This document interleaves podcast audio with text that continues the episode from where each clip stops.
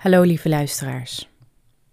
Het is weer tijd voor een nieuwe aflevering en deze keer ga ik het over verlatingsangst en codependency hebben.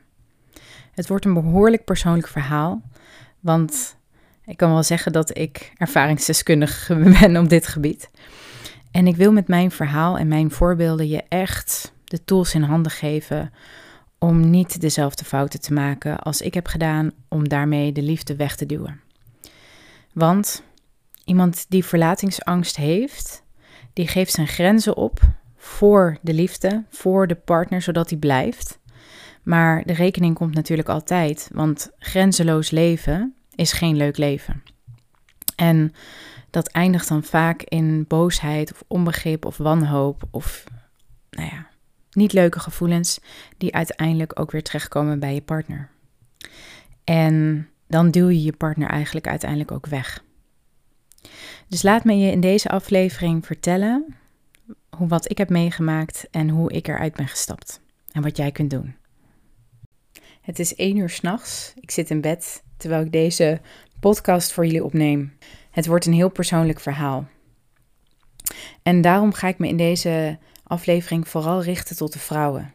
Omdat ik het echt alleen vanuit mijn vrouwelijke perspectief kan vertellen.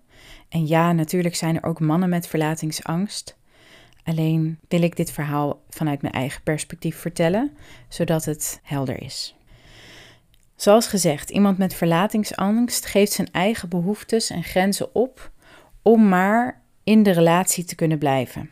Want diegene is zo bang dat de ander weggaat, dat hij er eigenlijk alles voor doet om de partner te behouden. En dat komt in mijn geval door een afwezige vader. Mijn vader was er fysiek echt niet. Het kan ook zo zijn dat je vader emotioneel afwezig was. Want eigenlijk is het de bedoeling dat een vader zijn mannelijke energie in zijn kinderen stopt. En dus ook in zijn dochter. En dat zij leert hoe het is om mannelijke energie te ontvangen. Zonder dat ze daarvoor iets hoeft te doen. Want ze is al liefde waard. Ze is al zijn aandacht en energie waard. Gewoon omdat ze er is. En ook zonder dat dat seksueel beladen is. Dat is de rol van de vader. Zeker rond de leeftijd van 5, 6, 7 jaar is het de fase dat een meisje het mooie jurk aan doet, zich wil verkleden als een prinsesje, mooi wil zijn. En dat een vader dat mag zien en eren. En natuurlijk ook dat ze slim is en dat ze uh, leuke ideeën heeft en dat ze mooie dingen maakt, etc. Een vader die zijn energie stopt in zijn dochter, die geeft haar de bedding en de kracht om later in het volwassen leven de uitgangspositie te hebben dat zij het waard is om aandacht en liefde en energie van een man te krijgen. En care en zorg. En want dat is ook wat een vader doet natuurlijk. Maar heel vaak is het zo dat vaders afwezig zijn for whatever reason. Nou, in mijn geval was het dus zo dat mijn vader gewoon echt afwezig was. Hij, was hij woonde in Duitsland, ik in Nederland en ik zag hem vijf keer per jaar een middag. En ik vond het heel erg spannend om bij jongens, mannen in de buurt te zijn als kind al. En toen ik volwassen werd, vond ik dat eigenlijk nog steeds en ging ik dat compenseren. Wat goed is om te weten, is dat zo'n afwezige vader of dat nou fysiek was of emotioneel, als een vader dus niet die energie in zijn kind heeft gestopt, dat laat een emotionele en energetische wond achter in jou. Een gevoel van gemis, een gebrek aan liefde, gebrek aan aandacht, erkenning, gezien worden, gehoord worden, begrepen worden, eh, de zorg krijgen, de aandacht krijgen, etc. En dat gat, dat wil je gevuld hebben eigenlijk, want het doet te veel zeer. Het, het voelt zo, is te ongemakkelijk, en het voelt leeg. En dus wat ga je doen? Je gaat op zoek naar mannen die jou dat kunnen gaan geven. En je gaat er alles aan doen om die mannen op een gegeven moment te houden. Om dat gat gevuld te krijgen. En wat je ook doet, is je gaat projecteren vanuit je verwachting dat je vader en de man, je partner toch niet gaat blijven, toch niet dat gaat doen wat je nodig hebt, want dat was altijd jouw realiteit geweest. Je hebt geen andere uitgangspositie. En dus ga je ook mannen aantrekken die afwezig zijn. dan wel fysiek, dan wel emotioneel. dus dan wel mannen die veel weg zijn, dan wel die emotioneel niet aanwezig zijn. En, want dat is je comfortzone. En dat zorgt voor heel veel relatieproblemen, heel veel gedoe, heel veel narigheid. Want jouw wond wordt continu geactiveerd. Je wordt continu getriggerd door die afwezigheid van je partner. En het kopingsmechanisme hierin is dat je jezelf gaat opgeven om maar die partner te houden, om hem maar dichtbij te houden. En om dat te doen ga je manipuleren en controle uitoefenen. En daar zijn een paar strategieën voor en ik heb ze allemaal toegepast. En het was best wel een hele klus om die inzichtelijk te krijgen, om daar bewustzijn op te krijgen en om ze ook om te draaien, om ze te doorbreken en om ze los te laten. Maar het kan wel en het is heel fijn om dat te doen. Allereerst moet je natuurlijk wel bewust worden van dat, van dat gat wat er in jou zit. En dat is een gat echt wat pijn doet en verdriet heeft en boos is. En dat gaat dus over het verdriet en de boosheid die je hebt naar je vader toe. Van het gemis van dat hij er niet was voor jou in, op de manier die jij wel nodig had. En waar je ook recht op had. Gewoon omdat je ja, een kind was wat daar recht op had. Het is je bestaansrecht om die liefde te krijgen van je ouders en ook van je vader. En dat is iets wat we vaak vergeten. En zeker in deze situatie. Ik geloofde ook niet dat ik recht had op liefde, op die aandacht, dat ik het waard was. Ik dacht, nee, ik moet heel hard werken en heel hard mijn best doen om die liefde te verdienen, om die aandacht te krijgen, om mooi genoeg te zijn, om slim genoeg te zijn, om lief genoeg te zijn, etc. Dus ik ging zo hard mijn best doen voor een man en verloor daarin mezelf. En als je jezelf verloren hebt in een relatie, dan heb je eigenlijk helemaal geen relatie. En dan is het eenrichtingsverkeer en dat wordt altijd ellende. En zo heb ik ook een aantal relaties gehad die echt behoorlijk ellende waren, omdat ik dit uitleefde, omdat ik de verwachting van een man die niet aanwezig was, uitleefde van dat is normaal en dan wel de pijn bleef voelen daarvan. En ook dacht dat is mijn realiteit en dus kan ik hem niet veranderen en dus um, heb ik hier maar mee te leven en mee te worstelen. Nou, gelukkig is dat laatste niet waar. Het vraagt wel een enorme portie zelfliefde en zelfontwikkeling om hiermee aan de slag te gaan. Want je zult echt je innerlijke pijnstuk moeten aankijken en eruit gooien, ontladen, huilen. Huilen, huilen, huilen, huilen, huilen. Dubbel geklapt, huilen op de grond van verdriet, van wanhoop, van gemis. En ik kan je zeggen, dat heb ik meerdere malen gedaan in mijn leven. En vaak waren dat de triggers in de relaties die dus zo naar waren, waarin ik me zo verloren voelde. Wat die oude wond, die oorspronkelijk in mijn kindheid eigenlijk is gecreëerd, triggerde en dus blootlegde. Nou, als je begrijpt hoe dit werkt, dan kun je op een gegeven moment die triggers gebruiken om te ontladen. Maar dan zal ik je straks een specifiek voorbeeld geven. Allereerst wil ik je eigenlijk de overleefstrategieën geven. Van wat doen wij nou als vrouwen en wat heb ik allemaal gedaan om mijn man te houden. En om te doen alsof de relatie leuk is. En om te doen alsof ik krijg wat ik. Om eigenlijk voor elkaar te krijgen uh, wat ik wil hebben. Dus ik ging, hè, wat ik al zei, ik ging heel hard werken en mijn best doen om mijn man te houden. Of om aandacht te krijgen van mannen.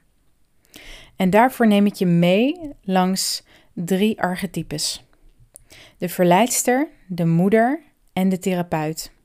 Ik heb ze alle drie heel erg um, goed uitgespeeld. ik moet er nu ook om lachen. Ja, ik was hier exceptioneel goed in. ik ga beginnen met de verleidster. Die speelde vooral in mijn twintiger jaren. Ik was continu bezig met aandacht van mannen, onbewust vaak, maar van zodra ik een ruimte binnenkwam van wie ziet mij? Wie vindt mij interessant? Wie vind ik leuk? En daar dan mijn best voor doen om diegene zijn aandacht te krijgen. En nou ja, daar iets van te maken. Ik wilde er altijd mooi uitzien. Ik gaf heel veel geld uit aan kleding. Want onbewust, en daar kwam ik pas later achter, wilde ik gewoon continu de mooiste zijn, de, de knapste, de meest leuke eruit zien, zodat, zodat een man mij maar leuk zou vinden. En dat heeft ook geresulteerd in een behoorlijke winkelverslaving. Dat ik maar altijd op zoek was naar nieuwe leuke spullen en kleding en schoenen en sieraden om aan te doen. Om ja, daarmee gezien te worden en goed genoeg te zijn. En ik had niet zoveel problemen met gewicht. Ehm, maar ik kan me heel goed voorstellen dat vrouwen daar ook mee worstelen dat ze zo dun mogelijk willen zijn om een man te krijgen. Of dat ze heel erg veel gaan sporten om, om uh, er mooi uit te zien voor een man, snap je? Dus die soort van winkelverslaving die ik kreeg om maar altijd mooi voor de dag te komen, nou, dat was echt een, een dat was gewoon werk. en ja, het was misschien ook wel leuk, maar het was echt een soort van ja, verslaving. En, oh, dat moet ik hebben, oh, dat moet ik hebben. En ik gaf dus ook meer geld uit dan wat ik te besteden had. Gewoon om maar aan dit beeld te voldoen. En ik zei het in het begin, iemand met verlatingsangst, die geeft zichzelf op voor de ander. Die geeft zijn grenzen op voor de ander. Die geeft zijn energie op voor de ander. Die geeft zijn liefde op voor de ander. En die geeft ook zijn geld op. En in dit geval is dit al een mooi voorbeeld daarvan. Ik gaf meer uit dan ik te besteden had om er maar mooi genoeg uit te zien voor de mannen om mij heen. Dit heb ik kunnen genezen door in een therapeutische setting, in een groep, het meisje een keer uit te spelen. Het meisje wat gezien wilde worden. Het meisje met de mooie jurk en de gelakte nagels die door haar papa gezien werd. En dat werd dan gespeeld in de groep door een andere man.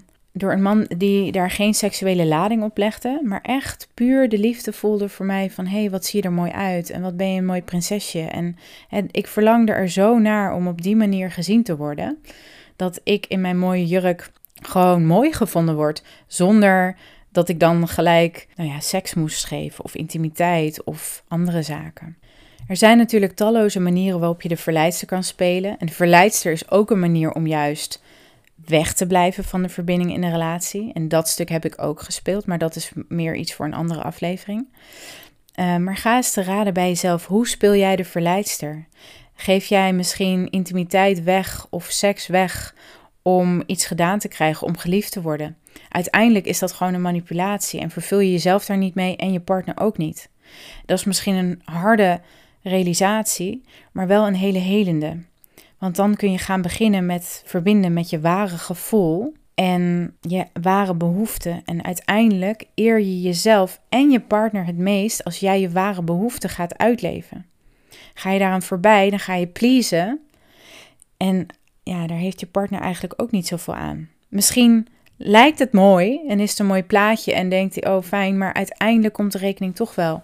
Want als jij over je grenzen heen gaat, wat gebeurt in dit geval, dan word je daar van binnen boos om. En dan komt er uh, rancune en dat kan zelfs haat worden. En die ga je op een gegeven moment wel weer uitspelen naar je partner. Daar ga ik straks nog iets meer over vertellen. Maar dan nu eerst verder naar de volgende, de moeder. Jullie kennen vast wel films waarin dat heel erg zichtbaar wordt. Dat je een gezin hebt met kinderen en dat de moeder alles doet in het huishouden, alles weet, waar alles ligt. Uh, de ontsnapping met Isa Hoes is daar een heel mooi voorbeeld van. Zij vertrekt op een gegeven moment uh, met de Noorderzon naar, um, naar Portugal, laat het gezin achter. En terwijl zij in de Mustang van haar vader wegrijdt, uh, belt het gezin haar nog honderd keer op van waar ligt dit en waar ligt dat en hoe moet dit en hoe werkt dat in het huishouden. En ze hebben eigenlijk helemaal niet door dat zij vertrokken is.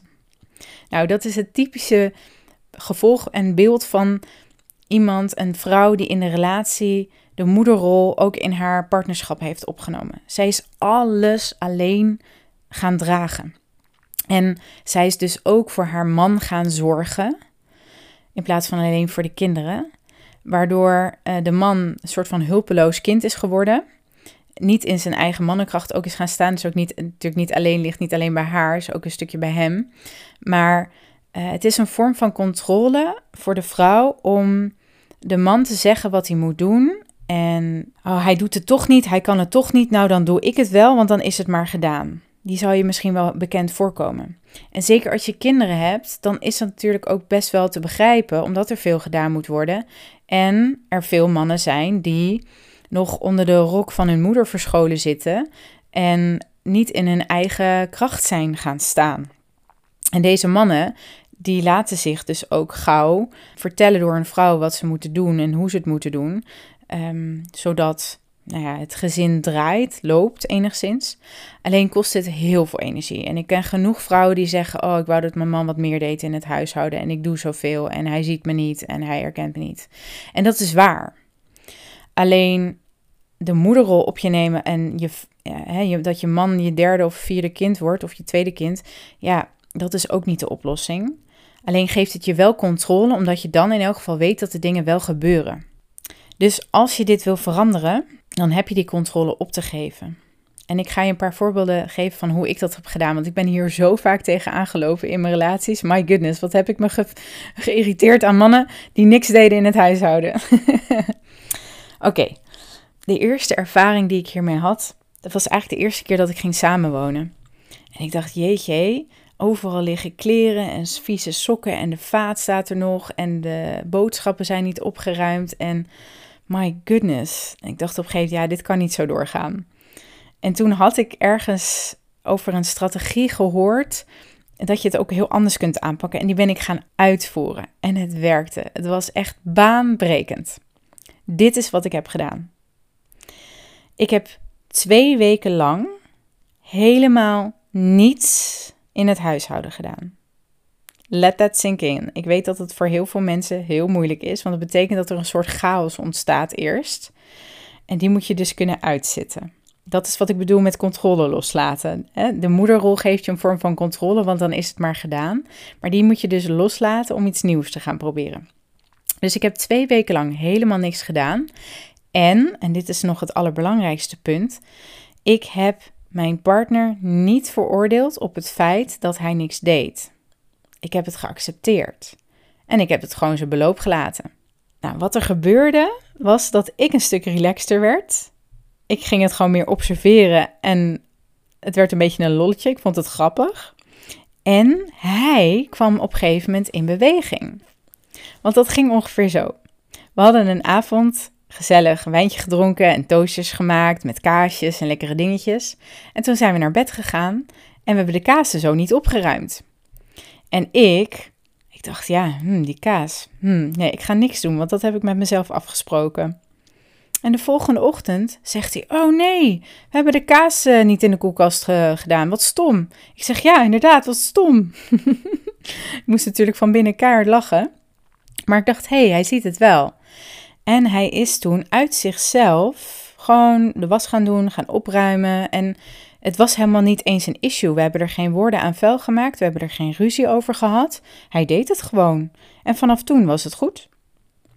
Nou, dit was zo'n baanbrekende ervaring voor mij. Niet alleen dat hij dus gewoon dingen ging doen en opruimen en schoonmaken, maar ook dat ik zelf zoveel relaxter werd en dat ik het grappig vond en dat ik zo ja, ik werd eigenlijk veel leuker. Dus dat was een win-win. Een ander voorbeeld, dat is een andere relatie. Toen had ik al kinderen, dus dat was wel veel lastiger. Want als je moeder bent, dan zit je zo in de zorgende rol en er is zoveel om te doen, dus het is echt wel veel moeilijker. Wat ik toen heb gedaan, is dat ik aan mijn vriend toen een brief heb geschreven en die heb ik voorgelezen. En in die brief heb ik heel zuiver mijn gevoelens opgeschreven van wat het met mij deed dat het huis zo'n chaos was. En dat de was niet gedaan was en dat er overal spullen lagen, et cetera. Dus ik heb letterlijk opgeschreven, ik schaam me ervoor als mensen hier langskomen spontaan en er overal rommel ligt of dat het niet schoon is. En, en ik liet me gewoon echt heel rauw zien hoe ik mij voelde. Dat was heel spannend om te doen. Heel, ja, heel kwetsbaar. En ik las het aan hem voor ik had ook echt gevraagd: heb je een moment om naar me te luisteren? Dus niet zomaar binnengewalsen. Nou, ik heb een brief voor te lezen. Nee, heb je een momentje de tijd om even met me te zitten, want ik wil je graag iets voorlezen. En toen las ik dat voor en hij keek naar me en hij, het was heel even stil. En hij stond op en hij is alles gaan opruimen. En ik zat echt van, huh? Wat gebeurt hier nou? En besef dat ik helemaal niet had gevraagd uh, of hij dingen wilde opruimen of wat hij moest doen. Ik had alleen maar mij geuit over hoe ik mij voelde dat het huis er zo bij lag, zeg maar. Wederom, baanbrekend resultaat. Ik echt dacht, hoe is het mogelijk? Ik krijg wat ik wil zonder dat ik erom heb gevraagd. Ik heb me wel uitgedrukt. En dit is zo'n belangrijke sleutel. En waar ik net zei, Laat het los. Hoe het wordt uitgevoerd, dat het wordt uitgevoerd. En laat het oordeel daarover los. Dat is net zo belangrijk als je kwetsbaar opstellen en je gewoon uiten. Met wat dingen met je doen. hoe jij je voelt. En als je dat kunt overbrengen, dan is eigenlijk een man vrij snel bereid om daar iets aan te doen. Want hij wil uit eigenlijk, als hij van je houdt, dan wil hij dat het goed gaat met jou. En dan wil hij daar echt wel aan bijdragen. Alleen wil hij niet van bovenaf verteld worden wat hij moet doen en uh, dan het risico lopen het fout te doen. Want dat is heel erg wat de moederrol doet. die komt met een soort vingertje wijzen naar dit is niet goed en dat is wel goed. En ze verheft zich boven hem. En dat voelt voor een man niet fijn, want hij wil natuurlijk gelijkwaardig zijn en hij wil in principe leiden. Hij wil de vrouw leiden van, vanuit nature. Dus als jij vanuit je hart deelt hoe jij je voelt, dan kan dat jouw man echt in beweging brengen. En ik heb daar later nog in andere podcasts van andere mensen vaker over teruggehoord dat dit inderdaad zo is. En ook een man die heel duidelijk zei: Als mijn vrouw zegt hoe zij zich voelt, dan kom ik in beweging. Dan wil ik het beter doen. Dan wil ik het anders doen. Omdat ik het wil. Niet omdat me dat verteld is. Niet omdat het zo hoort of zo. Maar gewoon omdat ik wil dat zij het fijn heeft. En ik daar zelf natuurlijk ook goed over na kan denken. En idee over kan hebben wat dat dan zou zijn. Nog een ander klein voorbeeld: het koken. Bemoei je niet met je man als hij kookt. Laat het op zijn manier gaan. En accepteer dat hij een andere manier van koken heeft dan jij. Als je daar bovenop gaat zitten, dan voer je wederom weer controle uit en dan voelt hij geen bewegingsruimte meer. Een man wil heel graag kunnen bewegen en zijn ruimte hebben en zijn vrije wil hebben en zijn eigen verlangens kunnen volgen. Gun hem zijn leercurve, zou ik zeggen. Die heb jij ook en dat geldt ook voor hem. Alleen het lastige hiervan is, en dat snap ik heel goed vanuit de verlatingsangst en die wond, is dat je geen vertrouwen hebt dat hij het anders gaat doen, omdat dat dus niet je ervaring is van vroeger. Jouw ervaring is dat je het mannelijke, die energie afwezig is en dat die jou niet voedt. Of dat je daar heel hard voor moet werken. En dus ga je controle uitoefenen om dan uiteindelijk toch nog te krijgen wat je wil. Of dat nou een schoon huis is, of een weekendje weg, of een goed gesprek. It doesn't matter. Het voelt als een struggle. Het voelt als verzet. Het voelt als uh, duwen en trekken. En ik kan je verzekeren dat als jij het oordeel over hem los kunt laten en je kwetsbaarheid kunt tonen, omdat je daar zelf veilig genoeg in bent geworden. En ja, dat vraagt innerlijk werk. Dat gold ook voor mij. Heb ik echt wel wat jaren over gedaan om dat te leren. Maar dan, hè, dan is wel de voorwaarde dat jouw man verbonden is met zijn eigen hart en met zichzelf en echt van je houdt. Maar dan is hij echt bereid om die dingen te doen. Gewoon omdat hij, ja, dat, dat is zijn taak, zijn rol. En zo voelt hij dat ook echt wel. Alleen als jij het vertrouwen niet in hem hebt en hem gaat betuttelen, controleren, met een hyperfocus gericht bent op hem de hele tijd van doet hij het wel of doet hij niet, dat, dat voelt beklemmend. En dan gaat een man weg. En dat is precies wat je niet wil. En zo creëer je een self-fulfilling prophecy. En zo kom ik bij het derde archetype, de therapeut. En voor mij was dit de moeilijkste, want ik ben een therapeut. En het liefste wil ik de hele wereld uitleggen hoe het zit. En ik zie ook heel veel van dynamieken en wat er gebeurt en ook bij mijn partner. Maar als ik dat ga gebruiken om gedaan te krijgen wat ik wil, oei, dan verhef ik me boven hem. En dan ben ik een bedweter en dan maak ik mezelf groter dan hij. En ja, like I said, dat vindt een man niet leuk en dat vind ik eigenlijk ook niet leuk. En het is een manier van manipulatie en controle uitoefenen om te krijgen wat ik wil. Allemaal omdat ik van binnen niet het vertrouwen had en het geloof dat ik recht heb om te krijgen wat ik wil, sowieso al, omdat ik goed genoeg ben en dat ik daar eigenlijk niks voor hoef te doen. En die wond in mij, die bleef maar praten, die bleef maar hard werken. De therapeut die resulteert er dus in dat als ik geraakt was door iets wat hij deed, dat ik dan niet mij gevoelig uitte met kwetsbaarheid van ik voel mij zus of ik voel mij zo, maar dat ik meer ging vertellen jij doet dit en dat doe je daarom en uh, dat is niet leuk en daarom ben je slecht. Even heel kort in de bocht. en ja, dat wordt hem natuurlijk ook niet. Ik snap wel heel goed dat ik het deed en ik heb er ook veel inzicht van gekregen. En ik moet ook zeggen, ik ben vaak door mannen belachelijk gemaakt over mijn gevoelens, over mijn kwetsbaarheden. En dit is denk ik wel het ergste wat je kunt doen als man naar een vrouw toe, omdat het de gave is van een vrouw om haar gevoelens te uiten. En die gevoelens, die zijn heel erg zuiver en afgestemd. En die geven heel goed weer wat er nodig is, wat, wat een goed idee is en waar, de richting naartoe mag gaan. Uh, denk maar even aan als je een kind hebt. Een vrouw voelt feilloos aan wat het kind nodig heeft. Vaak beter dan een man, gewoon omdat zij meer verbonden is met het kind vanuit de baarmoeder, et cetera, en met haar intuïtie. En dat haar fijn kan aanvoelen.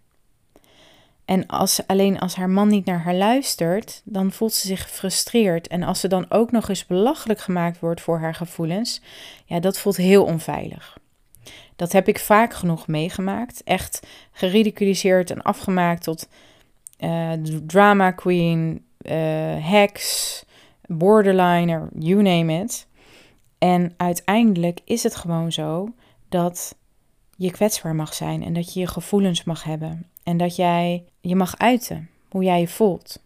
We hebben alleen vaak geleerd ons te uiten met een schuld, blame naar de ander. Zo van: ik voel me zo door jou of jij deed dit en daarom ben ik, voel ik mij nu zo. En dat is lastig, want ook al kan het zo zijn dat dat klopt, dan nog duw je daarmee je partner weg. Kun je echt kwetsbaar zijn en zeggen: Ik voel me nu zo, ik ben bijvoorbeeld heel erg verdrietig, en je kunt dat zelf dragen, dan kun jij ook zelf jouw tranen huilen en jezelf daarin dragen en helen. En natuurlijk is het fijn als je partner jou daarin ondersteunt, en dat mag ook. En dat is ook de bedoeling, zeg maar. Maar niet iedere partner kan dat gelijk. En dat is treurig, maar wel de realiteit. Je partner zal het wel willen als hij echt van je houdt. Alleen weet hij vaak, heeft gewoon geen idee hoe dat moet. Want laten we eerlijk zijn, dat hebben we vroeger gewoon niet geleerd. Wij niet, zij ook niet. Ondertussen haken de patronen natuurlijk wel lekker op elkaar in. En ja, kan je elkaar behoorlijk gek maken hierin, omdat je allebei in je wond terecht kan komen. En nou ja, dan is het einde zoek. Als jij jouw eigen pijn kunt dragen, kunt uiten, mag uiten van jezelf, zonder oordeel, zonder dat je jezelf slecht vindt of te kort vindt schieten of overdreven of te veel, dan doe je jezelf zoveel goeds, dan doe je jezelf zoveel eer aan en dan zul je zien dat je rustiger wordt. Het is natuurlijk te begrijpen dat de voorbeelden die ik net gaf, dat die ook je tot wanhoop kunnen drijven. Dat je je zo niet gezien voelt, dat je je zo niet erkend voelt, dat je je zo onbegrepen voelt. Het grootste deel hiervan is de wond die je met je meedraagt uit je jeugd. En de situaties waar je in belandt zijn een soort van repeat, repeat, repeat van wat je al goed kent. Een deel, ik zeg laten we zeggen 80% is de wond en 20% is de pijn van wat er eigenlijk werkelijk gebeurt in de situatie. Want je partner doet iets en dat raakt jou en dat doet pijn. En vervolgens ga je samen heel veel nog meer pijn creëren. Omdat je op elkaar zit te fitten of elkaar precies zeg maar verzout in de wond strooit. Als we het oordeel los kunnen laten en de schuld niet meer bij elkaar leggen, maar gewoon gaan kijken naar wat wordt er nu in mij geraakt? Waarom doet dit zo'n pijn? En je kunt dat eruit laten. Misschien kun je het gewoon alleen al ontladen zonder dat je precies weet waardoor het komt, want dat komt vaak later. Maar realiseer je, ah, ik word nu getriggerd, dit doet pijn. Mijn emotie mag er zijn. Mijn emotie is altijd valide. Maar ik hoef niet per se aan de oorzaak te koppelen. Het wil niet per se zeggen dat jouw partner slecht is of stom. Het kan wel zijn dat hij onhandig deed. Het kan ook zijn dat het beter mag gaan. Zeker weten, absoluut. En ik wil hier ook even een side note maken. Zit je in een abusive relationship waar je echt ja, mishandeld wordt, dan is dat natuurlijk helemaal out of the question. Hè? Dan kun je dat niet compenseren of dragen. Maar daarover later meer. Dus als jij geraakt wordt, stel je voor je bent heel erg verdrietig, hel dan. En hel, sta jezelf toe om echt te huilen, om dat verdriet eruit te huilen en jouzelf te erkennen in die pijn. Op het moment dat je dat doet, draag je jezelf. En leer je dat je voelt van, oh, ik kan deze pijn dragen en ik, ik vind mezelf nog steeds oké. En als het heel grote pijn is, vraag daar hulp bij. Van een therapeut of een vriendin of nou, iemand waarbij je je veilig voelt. Ik heb vaak op de grond gelegen of in bed heel hard gehuild. Echt nat gezicht, snot all over, schokkend van het huilen en dat ik dacht de wereld vergaat. En op een gegeven moment komt er een moment van rust en dan is het, maar ik ben er nog steeds en ik ben eigenlijk oké. En dan komt er een soort liefde naar binnen. Grace. wordt het ook wel genoemd. En die brengt rust.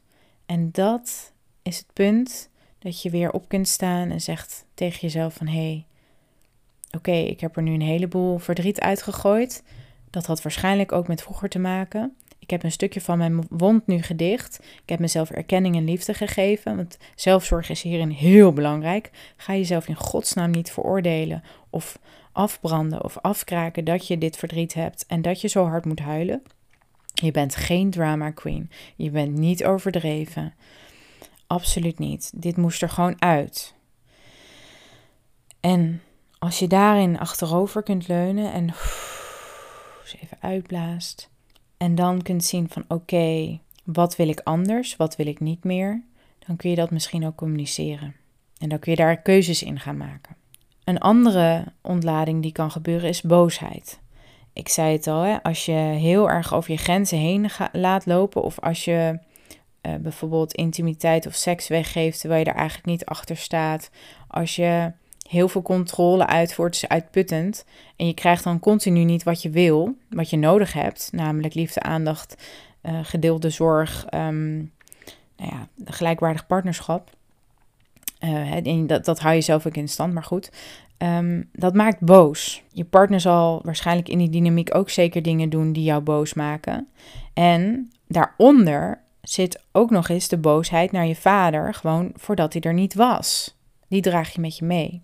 En wellicht zit er ook nog een stukje haat naar de mannen in het algemeen. Just to make things even more complicated. Er is zoveel boosheid bij veel vrouwen nog naar mannen, naar hun eigen vader, uh, naar mannen die hun pijn hebben gedaan, naar mannen die hun misbruikt hebben, naar mannen die hun mishandeld hebben. En deze boosheid moet eruit. Jij draagt de boosheid met je mee en jij bent daar verantwoordelijk voor.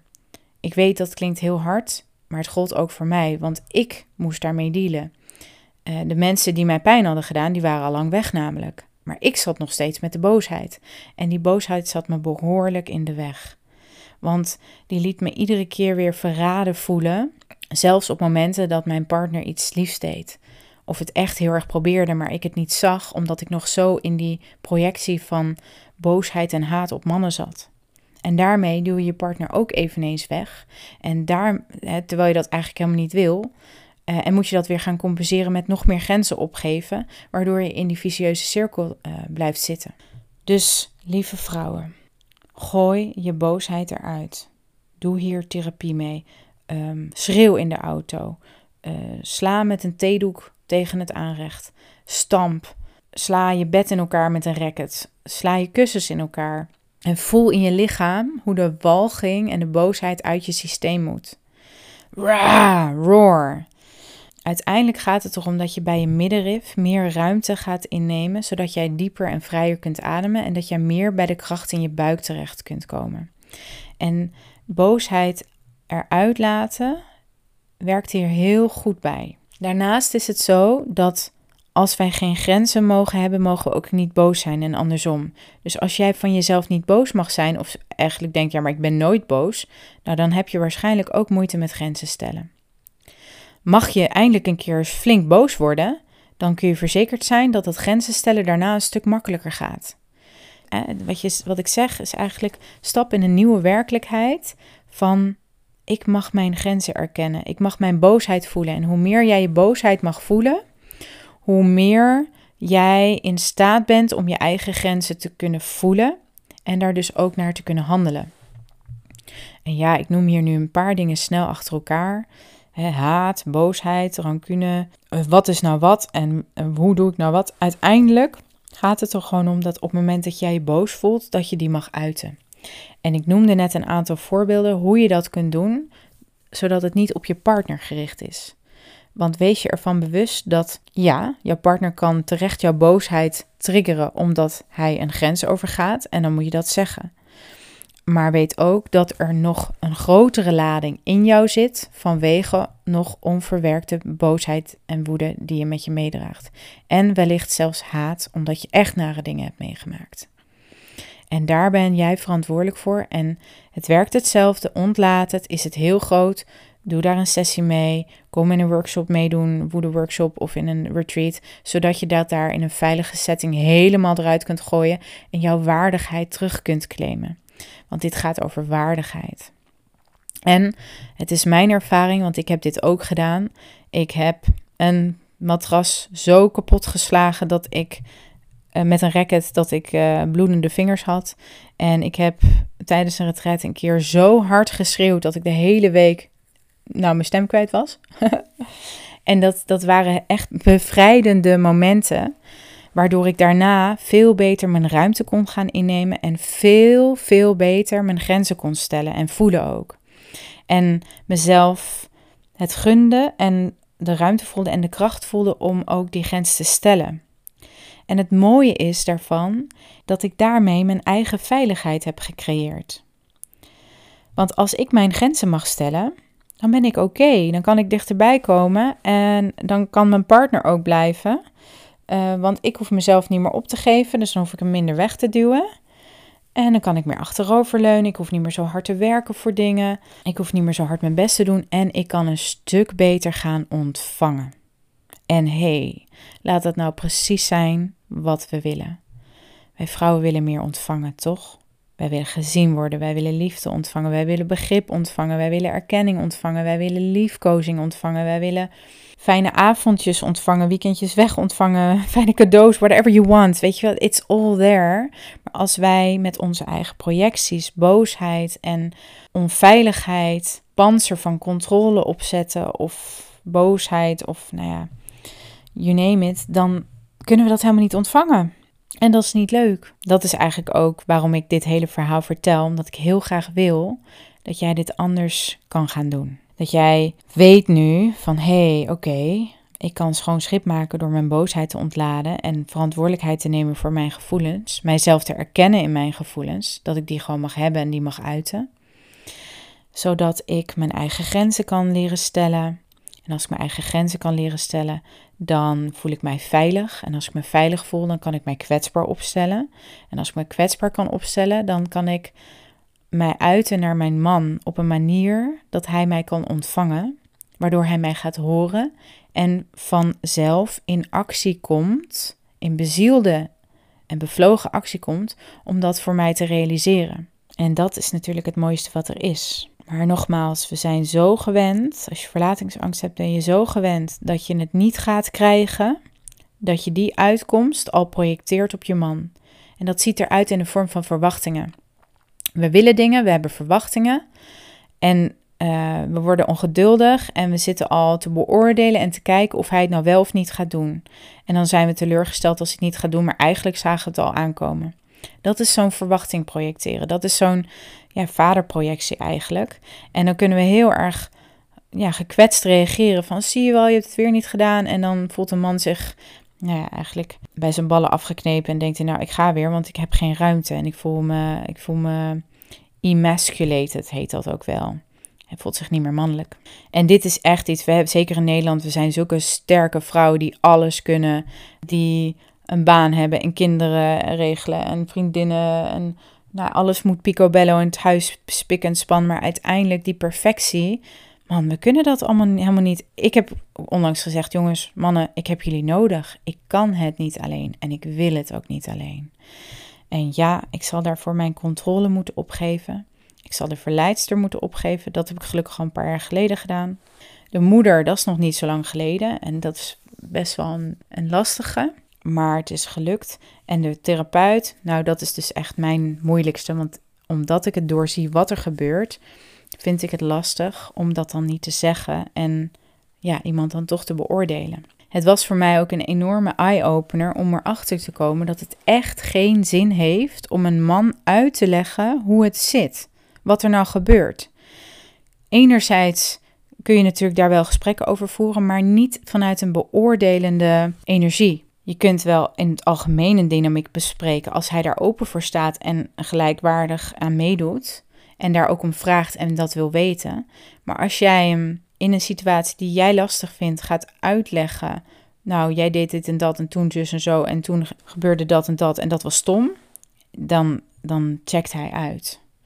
En wij vrouwen kunnen dat bijna niet begrijpen, omdat wij zo helder kunnen zien vaak hoe dingen werken. En we hebben een hele goede intuïtie, we hebben een grote wijsheid. En we hebben ook gelijk daarin. Alleen hoeven we dat onze mannen helemaal niet uit te leggen. Dat is wel wat we denken vanuit de controlepositie. Maar we hoeven echt werkelijk alleen maar te kijken naar hoe voel ik mij en dat uit, te drukken naar hem en dan achterover te leunen. En ik weet het, het is bijna niet voor te stellen hoe dan. Achteroverleunen betekent dus geen verwachtingen meer hebben, geen oordelen meer hebben en vertrouwen dat jouw man dat gewoon gaat doen, omdat hij voor jou gekozen heeft en daarvoor instaat. En ja, door onze cultuur en conditionering is dat gewoon ongelooflijk moeilijk om dat te geloven. Maar ik heb het al wel ervaren en het is goddelijk. Als dat gebeurt, is het echt goddelijk, want dan krijg je dus, nog voordat je had bedacht dat je het wilde, krijg jij een man die voor jou opstaat. Dat je echt denkt, hè, wat gebeurt er nu? Wauw! Dus om een voorbeeld te geven, ik stond een keer in een winkel ehm, koffie te bestellen en ik werd echt heel erg onbeschoft behandeld door de mevrouw achter de balie. En ik belde daarna mijn uh, liefde op en die zei, en ik vertelde dat gewoon wat er was gebeurd en ik, verder niks. Dus ik, ik had geen verwachting. Ik had geen. Ik belde hem niet op van nou, ik wil iets van jou. Ik, ik, wil, ik vertelde gewoon even mijn verhaal. En wat deed hij? Hij heeft een mail gestuurd naar die toko en heeft gezegd: Jullie, uh, ik sta het niet toe dat jullie mijn, uh, mijn vrouw zo behandelen. En uh, ik wil daar even een klacht over indienen. En dat was zo krachtig. Ik voelde me zo gezien, zo gedragen, zo beschermd. Dat ik, ik was gewoon helemaal, mijn hart ging open, mijn lichaam ontspande helemaal. En ik dacht echt, wauw. En ik voelde me zo verbonden met hem. En ik weet dat dit dus ook hetgene is waar het om draait. En ja, dat vraagt nogal wat innerlijk werk van ons, want wij zijn zo geneigd om in die controle te gaan. En ja, het gaat stapje voor stapje. Dus als je verlatingsangst hebt, dan is de kans groot dat je ook relaties hebt of hebt gehad die echt niet fijn waren of misschien zelfs mishandelend. Ik heb dat ook gehad. En ik moest leren daarvan weg te gaan, want ik bleef vaak in relaties die niet goed voor, waren voor mij. I stayed available for unavailable men. En nog erger, I stayed available for abusing men. Gewoon omdat dat mijn uitgangspositie was. Dat ik dacht van het is normaal. Ja, ik, ik had geen idee wat gezonde liefde was en gezonde aandacht. Dus pakte ik wat ik kon krijgen en had ik helemaal niet door dat dat gewoon niet gezond was. En dat zijn natuurlijk heel pijnlijke lessen. Allemaal triggers om jouw pijn, oorspronkelijke pijn eruit te laten, zodat jij die kunt helen. En vraag er hulp bij nogmaals. Wees lief en zacht voor jezelf. Doe heel veel zelfzorg. En uiteindelijk, hè, zodat jij kunt verzachten, verzachten, verzachten, verzachten. En we hebben zo'n hard panzer om ons heen opgebouwd om te overleven in deze best wel harde wereld, waar zoveel van ons wordt verwacht. Waar we ja, verwacht worden alles te kunnen. Terwijl, ja, dat moeten we helemaal niet willen. En het breekt ons op, het brandt ons op. Mij in elk geval wel. En het waren zeker de momenten van kwetsbaarheid die mij deden breken. Het waren hele heftige, moeilijke momenten. Maar het waren ook de momenten waarin ik dus, doordat ik openbraak, ineens kon leren ontvangen. Because I didn't have anything to lose anymore, snap je? Mijn ego, wat nog de controle wilde hooghouden, was gebroken en kon niet meer. En daarom kon ik ontvangen, hulp ontvangen. Dus uiteindelijk zijn wij vrouwen bedoeld om gewoon te stralen. Wij mogen zo godschuwelijk gelukkig zijn en stralend zijn en ontspannen zijn en gedragen worden. En daar hebben we de vrouw voor nodig en de mannen. We hebben onze sisters nodig en onze familie en net de fijne relaties die je, die je hebt. We mogen ons geborgen voelen en, en natuurlijk hebben we daar ook de mannen voor nodig, ook hun support. Als wij de weg kunnen vinden naar onze eigen veiligheid, eigen grond onder onze voeten, de emoties, de pijn verwerkt, zodat we echt aanwezig kunnen zijn in ons lichaam en steeds minder getriggerd worden in die wond, dan kunnen wij achteroverleunen en zakken in ons lijf en ontspannen. En als wij ontspannen zijn, dan stralen wij. Dan beginnen wij met stralen en dan, dan geven we een man zoveel genot. En dan zijn we gewoon, dan zijn we in de zijnskracht.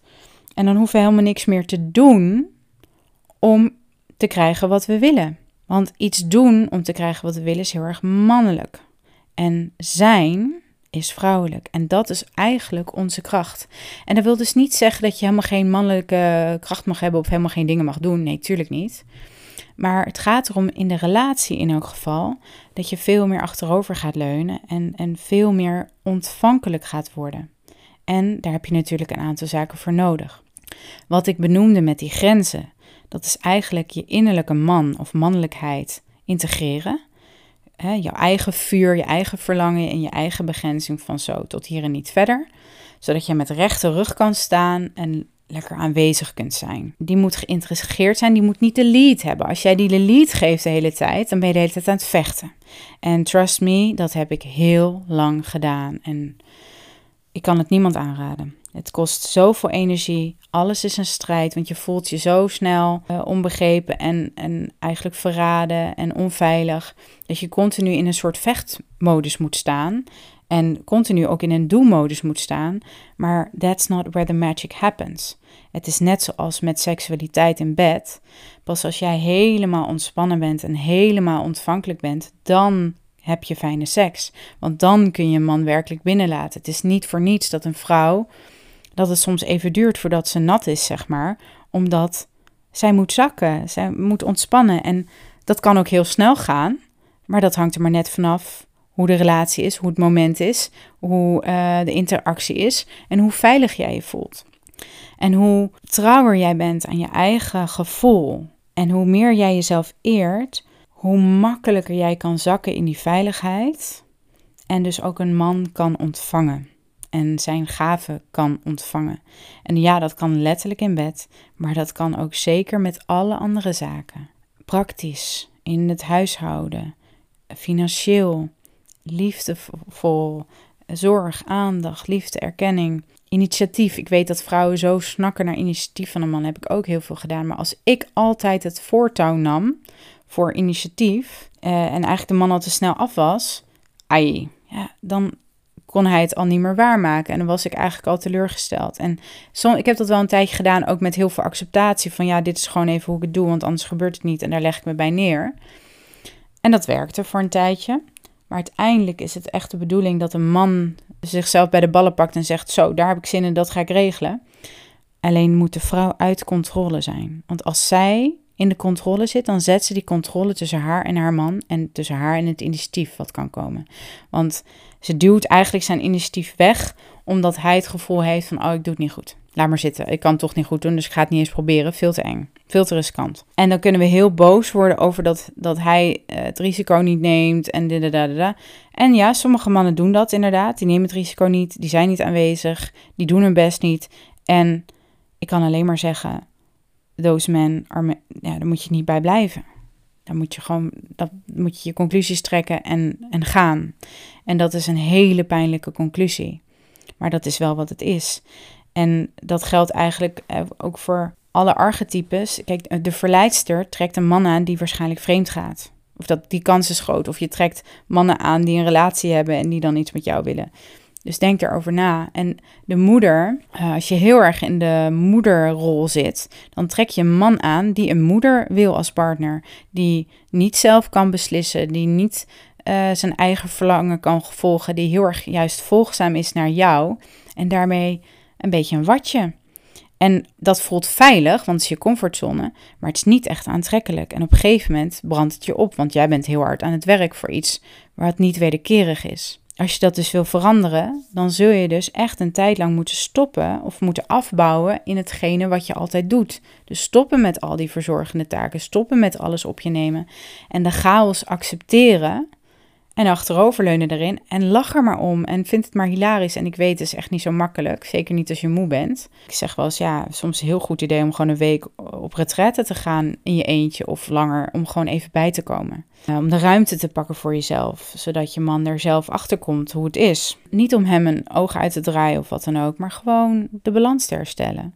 En dit is super spannend, want het is uit je comfortzone stappen. Maar wel nodig. En ja, mannen kunnen veranderen. Het heeft tijd nodig. En dat vraagt veel geduld. En in die tijd kun jij aan jezelf werken, je eigen triggers verwerken, je eigen wonden likken, zodat jij steviger wordt in jezelf. en meer op jezelf kunt gaan leunen. Want uiteindelijk is ook dat de bedoeling dat we op onze eigen grond staan en dat jouw man ook op zijn eigen grond staat en dat jullie samen gewoon een powerkoppel zijn.